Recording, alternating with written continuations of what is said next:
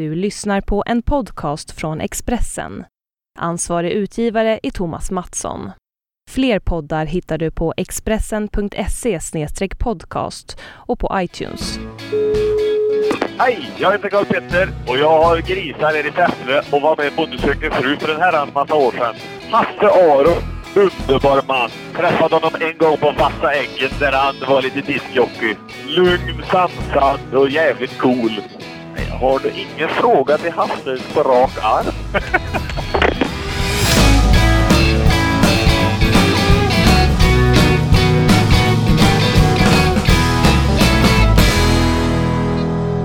Here we go again! Det är sommarpodd med... Sommaren i city 1990! Yay! Kan Gud, du den vad hon låten kan Tony? sjunga. Nej det kan jag inte, men du sjunger den så bra. Men gud, jag ska lära dig allt jag kan sen. Ja, det är inte så mycket.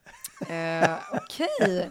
Men du, ska Välkomna vi... tillbaka till Ja, verkligen. med- Välkomna Med tillbaka. Tony och... Rebecka. Ja, nu Det är har... vi. Ja, Och nu hoppas jag att eh, ni vet vilka vi är vid det här laget, för nu har vi ju kört tre gånger. Här är tredje gången. Mm. ja. Eh, och kvällens gäst. Kvällens, Eh, dagens menar jag.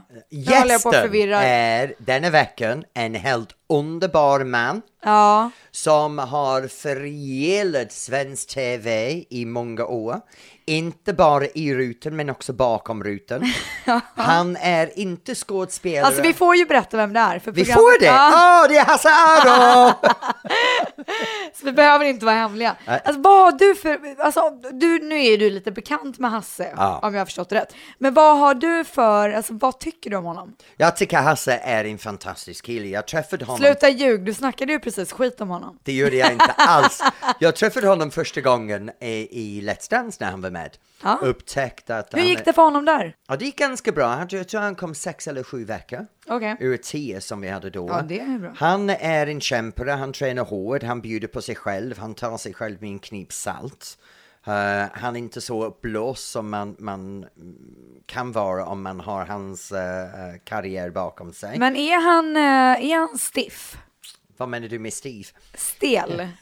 Stel i inte, kropp. jag sa inte styv, jag sa stiff. Ja, men stiff är Steve. Ja, Ja, direkt översättning liksom. Ja, precis. Nej, men du förstår vad jag menar. Ja. Är han eh, ring 08 no, no, no, Nej, inte alls faktiskt. Jag har varit där, jag, jag har råkat träffa honom när jag var på skidsemester. Ja. Så vi, var- vi var i samma ort samtidigt och jag upplevde honom som en, en riktigt rolig grabb. Vad härligt. Ja, jag är väldigt spänd på att träffa honom faktiskt. Mm. Han är ju fantastisk i rutan måste jag säga. Ja, han, är- han är lite småsexig faktiskt. Tycker du det? Ja, jag tycker Ska du säga det till honom? Jag har sagt det till honom tidigare. Han bara skrattar åt mig. Men Men idag ska vi ha en allvarlig diskussion. Ska vi verkligen det? Vi ska snacka allvar. Du vet hur det är. Jag är sura Ja, gubben. du är vill- verk- lite för seriös alltså. Tycker du det? Ja. Nu får du måste ge vi, det. alltså när vi har en person som Hasse som är van att vara seriös, då ty- tycker jag att vi ska lätta upp stämningen lite. När är du född? Vad då? Är du född på 80 eller 90-talet? 80. Du är 80, så du är inte... Jag trodde du var Jag är 90-talist. 85 för fan. Du är 85 Ja. Du är jävla ungdom. Du, jag tycker vi bjuder in Kaxig gästen. brud. Sluta Nu köta ringer vi Hasse. Ja.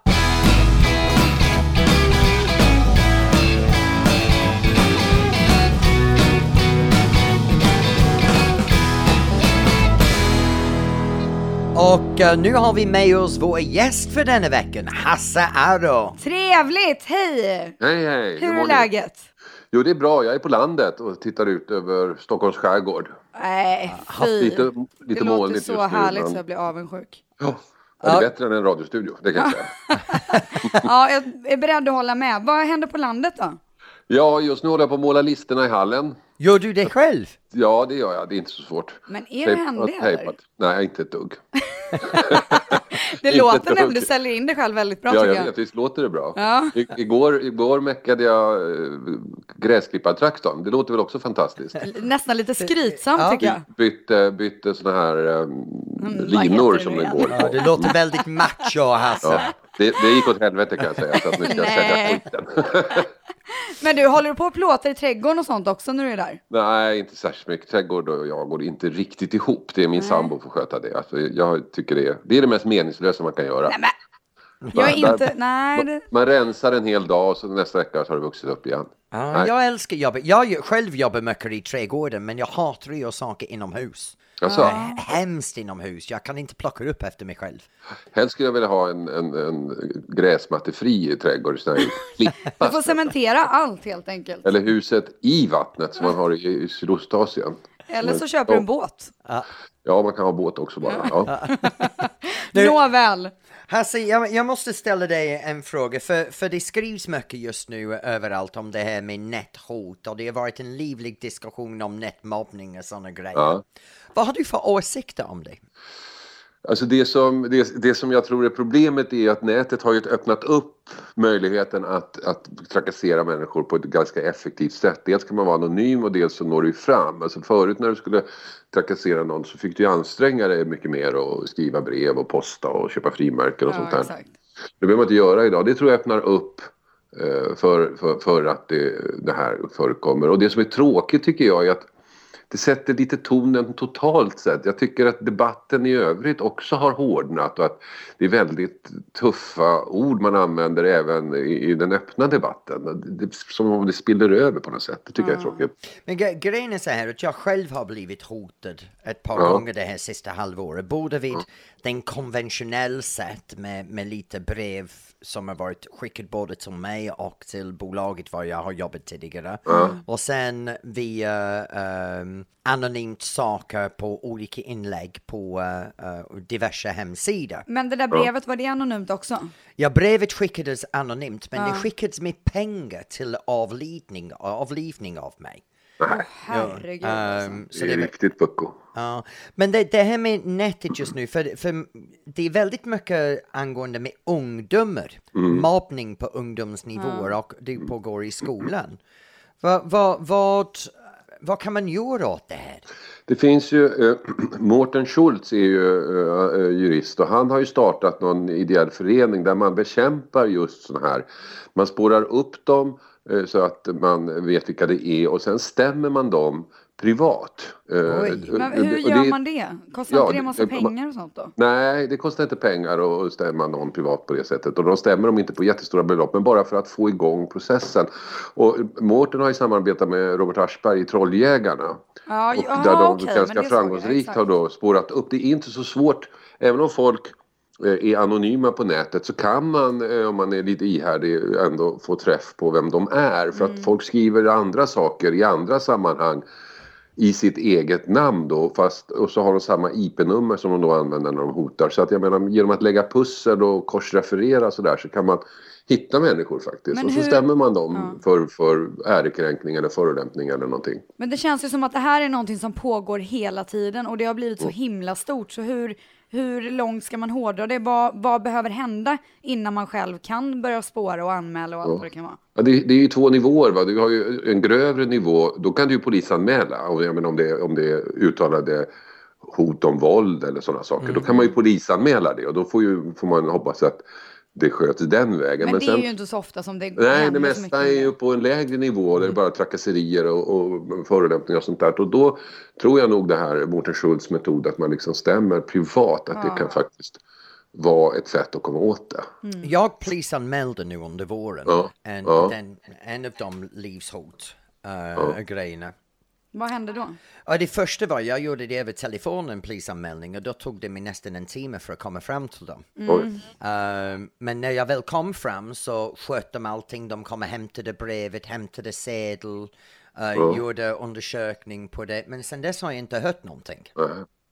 Ja men då jobbar de väl på. Ofta är det så här med de här nätmobbarna att bara det faktum att man avslöjar vem de är gör att de lägger ner. Ja, exakt. Det är, så, det är så tryggt att sitta där bakom anonymiteten och hålla på och vräka ur sig saker och ting. Men i samma ögonblick som de vet att man vet vem de är så är det många som drar öronen åt sig. Det visade ju i det här Robbans program till exempel. Ja. Att Det värsta var ju inte att få stämningen. Det värsta var ju att, att bli avslöjad, att identiteten blev avslöjad. Så det tror jag att man måste ju, det, det tror jag är ett sätt att komma åt det liksom. Men eh, det finns många sajter nu var man kan gå in och skriva inlägg och sina åsikter, var man skapar sig själv en on-site namn. Så de uppmuntrar dig till att skriva anonymt. Ja. Är det ingenting man kan göra åt de, de sajterna?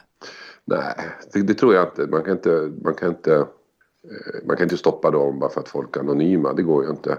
Eh, sen tycker jag personligen att anonymitet har också ett värde. Att, att man, man, kan inte förbjuda anonymiteten. Jag tycker att man ibland ska kunna få vara anonym mm. eh, av olika skäl. Så att, eh, det, jag, att det känns bara som att det blir så himla utnyttjat det här med att vara anonym, att man tar tillfället ja, i akt. Ja, precis. Ja, men det, det, det är det, det man gör. Man gömmer sig bakom det för att det är så enkelt. Ja, jag tycker ju det här Trolljägarna var jäkligt bra, men, och jag mm. älskar Robert Aschberg, men jag tycker att det var lite för mjäkigt. Det tycker du? Han var lite för snäll ja. liksom. Får, nu får jag med Robban som gäst nästa gång. Ja, ja. Men Hasse, har du någonsin varit anonymt? Om jag har varit anonym på nätet? På, på nätet, ja. Ja, det har jag varit. Får man fråga i vilket syfte? Ja, till exempel en gång. Berätta nu! Till exempel en gång så skrev jag en fråga till Magdalena Ribbing på Dagens Nyheter. Ja. Som jag tyckte var lite fånig så jag skrev under ett annat vad, Kan du berätta vad det var då? Uh, jo, det var, jag skulle på bröllop så fråga om uh, uh, när går gränsen för att ha vit smoking i Sverige? Nej, vad fint! Det tyckte jag var fint faktiskt.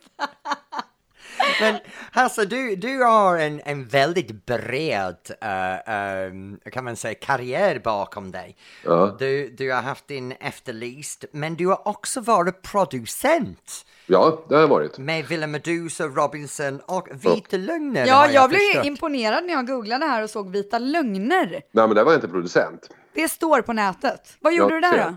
Idioter skriver på nätet. Men jag, jag medverkade, jag spelade. Nej, jag, nej det, det, är ännu bättre! Ja, fast då spelade jag mig själv. Liksom. Jaha, hur många, var, var det många sedan. avsnitt eller var det liksom bara något gästinhopp eller vad var det? Gästinhopp, ja jag tror jag var med i två avsnitt. Och nu kommer du fråga mig, vad gjorde du då? Ja, det kommer jag. det har jag glömt. Nej. jag vet att jag checkade in på ett hotell. Jag kommer ihåg hotellscenen när jag kom och checka in där. Ja. Sen vet jag fan vad som hände. Ja. Men hur blev, sen, blev det svart. En kul anekdot i alla fall. Hur ja. blev du producent? Sorry, förlåt. Hur blev du producent för Villa ja, Medusa det var jag, För Villa Medusa blev jag producent för att jag faktiskt kom på idén. Jag och en tjej som heter Anna Tottmar. Är det sant? Jäklar, Vi hittade alltså. på det här, Villa Medusa. Vi skulle göra, tanken var att för jag hade jobbat då med Robinson ett år och så skulle vi göra något lite intelligent, lite mer intellektuellt. Men, Förlåt men som ni vet så gick det åt helvete. Ja, det blev, men det Nej, blev men kul. Vi skulle ta vanliga svenska ungdomar. De skulle få någonstans att bo utomlands men så skulle de då försörja sig själva. Och jag såg framför mig hur de gick och sökte jobb och man kunde spela in scener där de jobbade på något fik eller som sopgubbar och hur de alla bidrog till kassan och skapade en liten lycklig familj. Aha. De bara söp och knullade. Och då blev det väldigt mycket skrivningar på nätet, eller hur? Ja, det blev det. Det kommer jag inte ihåg. Men det, liksom blev, ju, det blev ju då en trash-såpa kan man ju lugnt påstå. Ja. Sen så, jag gjorde den bara det året och sen eh, fortsatte den utvecklas i den linjen kan man Hur säga. Hur många säsonger blev det? Det vet jag inte. Det är en bra fråga. Det blev ganska många säsonger. Ja. Eh, jag, jag, gjorde bara den första då när vi var i Grekland på Mykonos. Men var det typ den första dokusåpan? Eller var baren innan alltså, det? Nej, det, det var ungefär samtidigt. Det var ja. ju så att Strix som jag jobbade på då, det var vi som gjorde Robinson. Mm. Och den blev ju en sån succé så det var i, i Sverige den första dokusåpan. Mm. Och uh, utifrån den idén så utvecklade vi ju då baren Villa Medusa, Farmen. Oh, så att, det liksom, så att när, när det gick som bäst då hade ju Strix TV en dokusåpa i varje kanal. Ja. Men vad tycker du om hela dokusåpaköret? För det har ju det har gått ganska långt och eh, mm. eh, väldigt många år. Och det känns som att det är lite större än någonsin just nu. Tycker du? Ja, tycker inte du det? Nej, jag vet inte om det är större än någonsin, men det är ju stort det är en genre som Ja, eftersom den har gått så länge så fanns det väl ett behov för den genren. Det kan jag förstå. Jag kan tycka att alltså, man kan göra olika saker. Det kan ju bli hur trashigt som helst men det kan ju också bli väldigt bra. Ja. Eh, så att eh, jag, jag, tycker, jag tycker det är roligt med dokusåpor. Kollar du på dokusåpor? Inte så mycket. Jag kollar på uh, Robinson då och då men det är mest för att jag har jobbat med det. Men sen var jag ju med i Let's Dance. Ja, det var du. ja, och där kör de ju liksom, det finns, man har ju en metod hur man gör dokusåpor och hur man gör intervjuer och sådana här saker som mm. vi utvecklade då. Och då var det märkligt att vara i den situationen där det här användes mot mig. Mm. Men jag satt där Men det gick ju väldigt bra, hörde jag. Nej, det gjorde det inte. Det gjorde det väl? Det gick väldigt dåligt. Nej. Nej, nej Tony, du sa ju att det gick nej, jättebra Jag sa att det gick bra. När åkte ja. du ur programmet? Ja, men jag åkte ut, tror jag, i mitten någonstans. Men det beror ju på att, kanske mer på att alla andra som åkte ut innan blev ju sjuka. Folk blev ju sjuka. Så man kanske Nej. inte...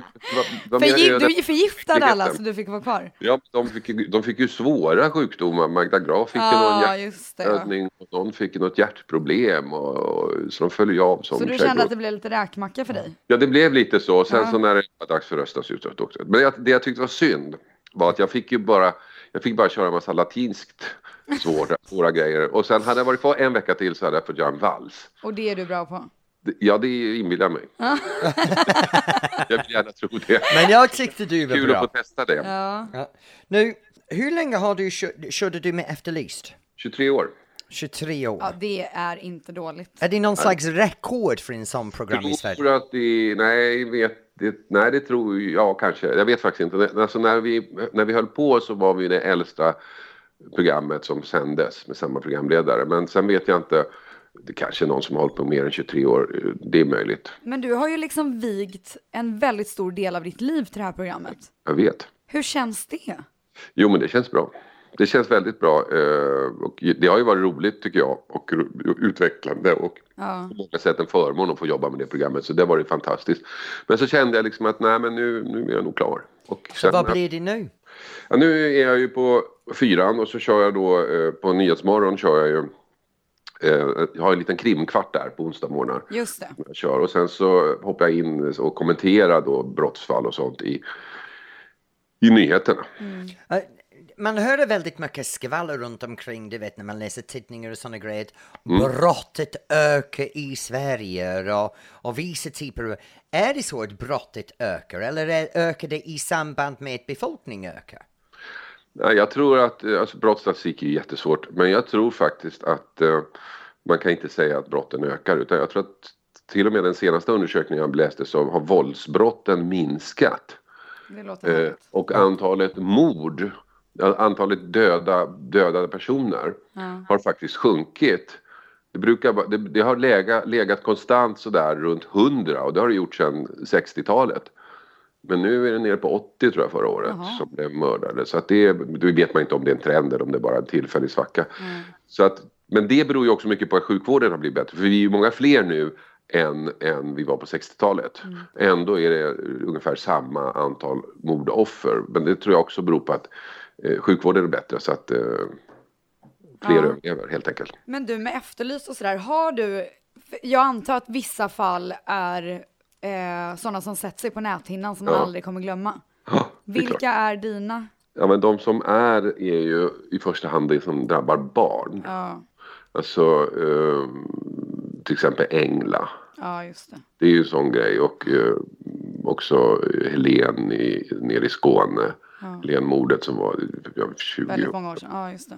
Ja, och eh, eh, inte det 20 år i år? Det kanske är.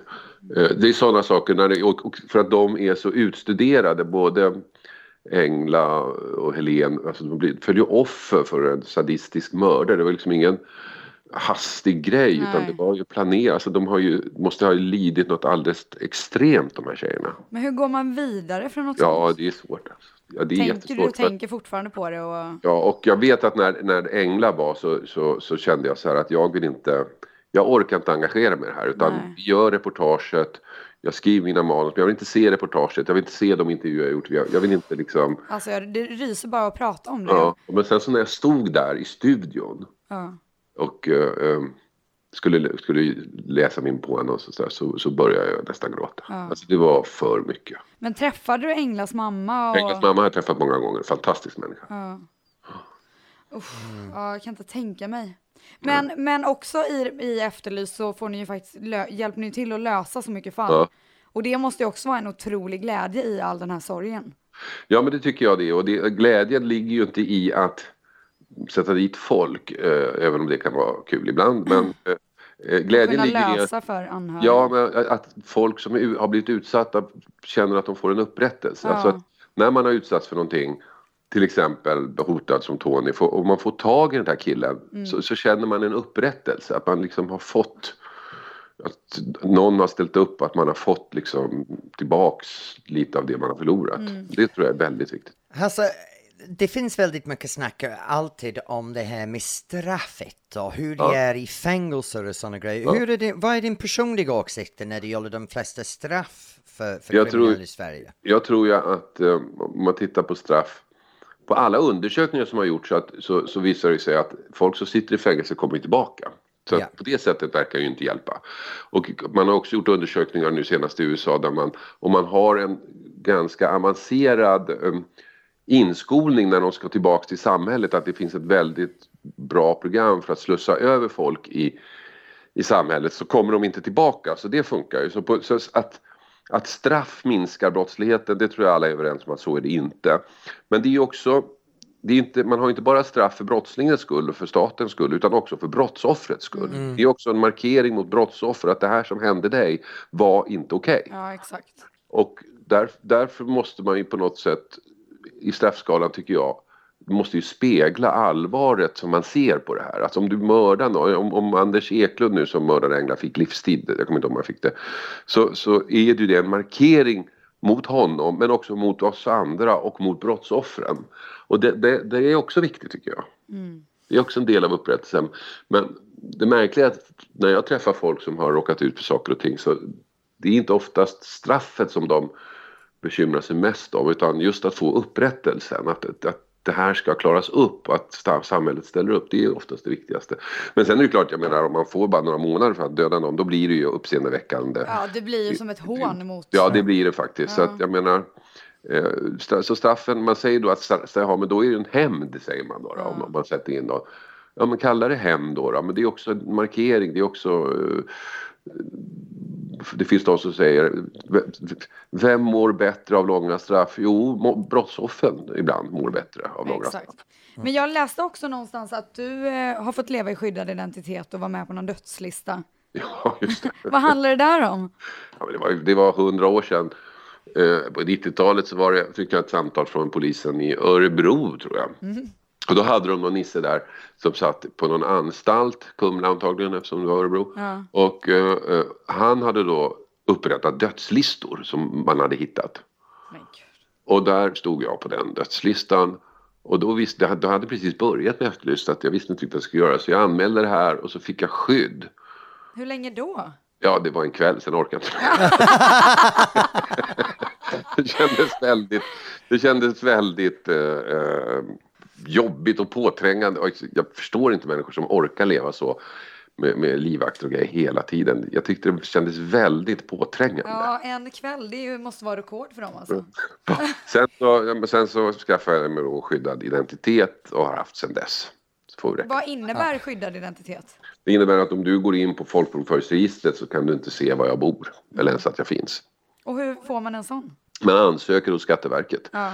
Och så måste man då motivera. Det det är ganska många som har, alltså kvinnor som Ja, är födda att- och sådana här saker. Så att, eh, så att eh, eh, så man ansöker och så, får, så godkänner de det. För vad som känns lite läskigt just med, jag vet inte hur det är i andra länder, men med Sverige, så spelar det inte riktigt någon roll om man tar bort sig själv från hitta.se eller Eniro eller vad det Nej. nu kan vara, utan på Ratsit så finns man alltid. Ja, Och då nästa steg för att skydda sig helt totalt är då att ha en skyddad en- ja identitet. det tror jag. Men det är också för att vi har offentlighetsprincipen i Sverige, vilket Ja. i grunden är en bra grej. Så det är klart att jag tror att, att, att du har rätt där, att i Sverige är det extremt, men då extra utsatt kanske om man, om man Ja, men det är lite jobbigt att vara offentlig person, att någon bara kan gå in på Ratsit och kolla upp vart man bor och så stå Ja. utanför porten. Ja, det är det.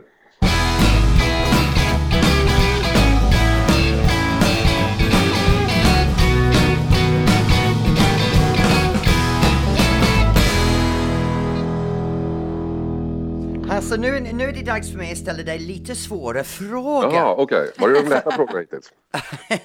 Nu, Nu börjar det, nästa ja, nu, nu, nu börjar den tuffa punkten nu. Nej, Ni, ni klipper bort allting. Ja. Ja.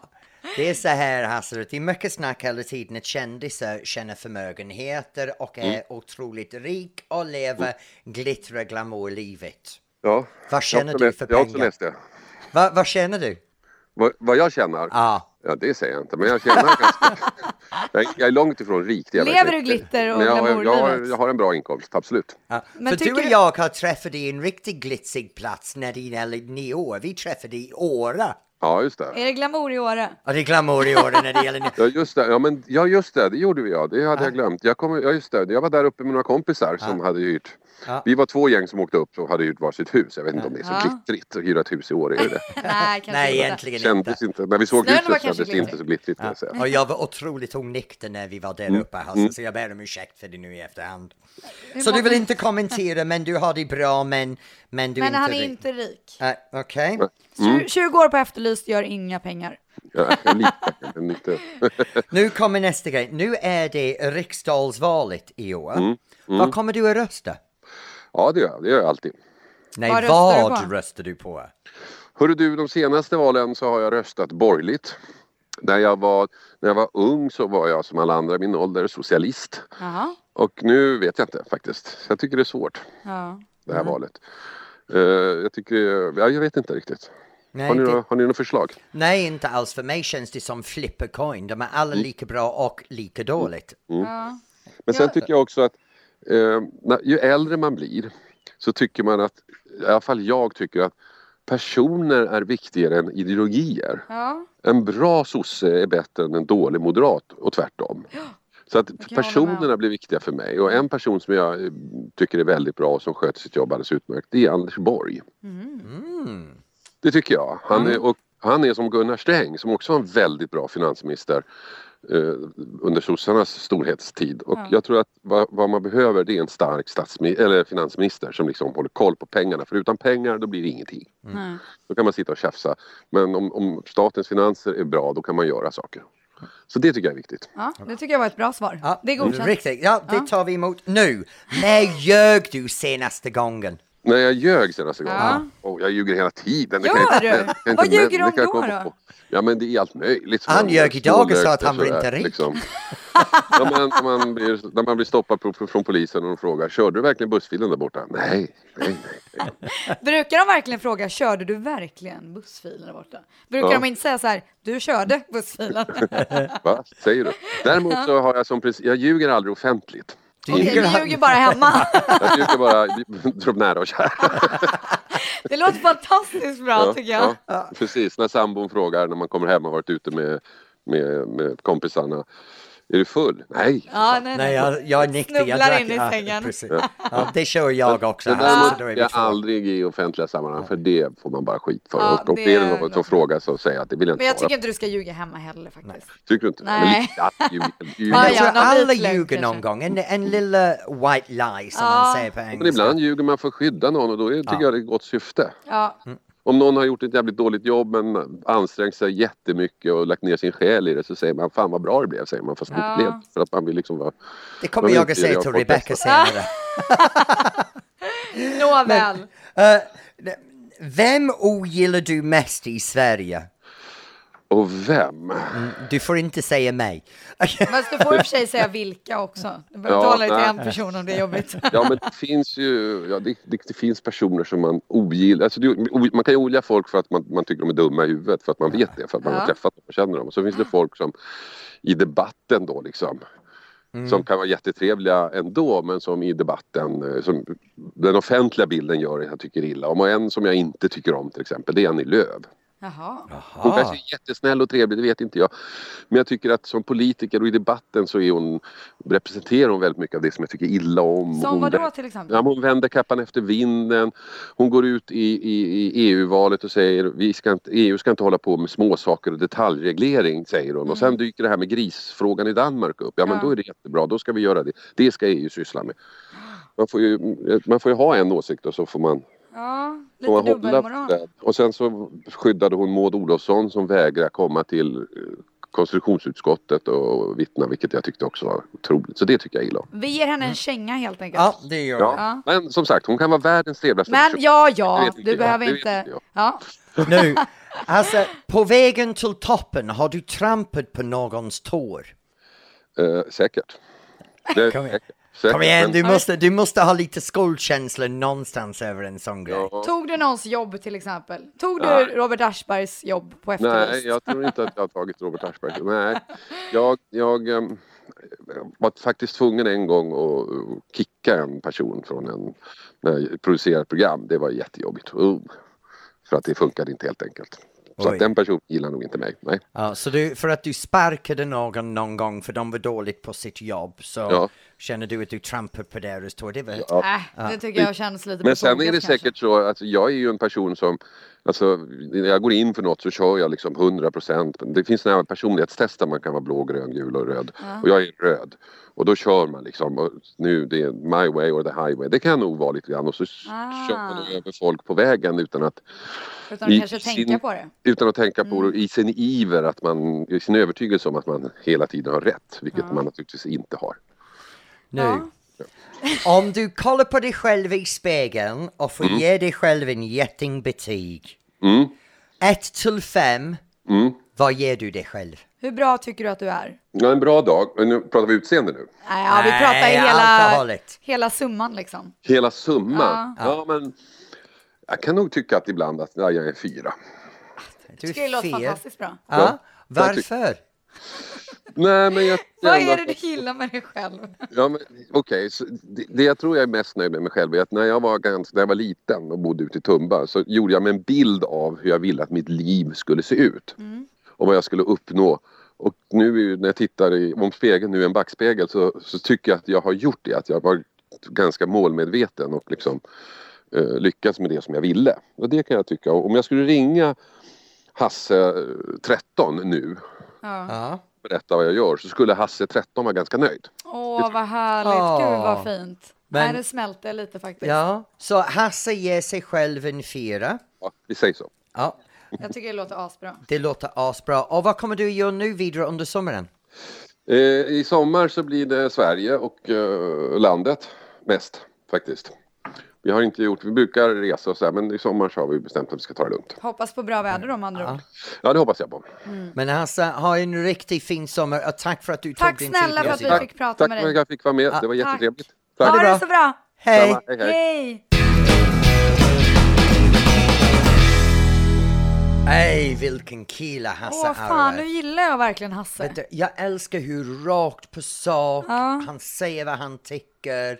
There's no punch, he doesn't hold a punch back. Nej, men jag var lite orolig att han inte kunde slappna av, men det kan han ju verkligen. Ja, men Hasse slappnar av. Ja. Jag kan antyga att efter den resan i, i år så har jag sett Hasse avslappnad totalt. Nej, men så härlig. Och vilken kunskap han besitter också. Ja, men efter 21 år av efterlysa. 23. 23 år av efterlysa så, ska man förvänta sig egentligen.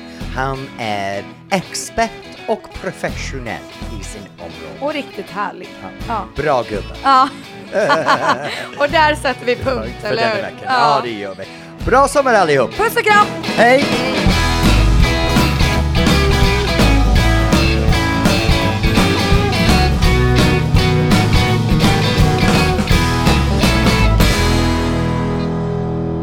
Du har lyssnat på en podcast från Expressen.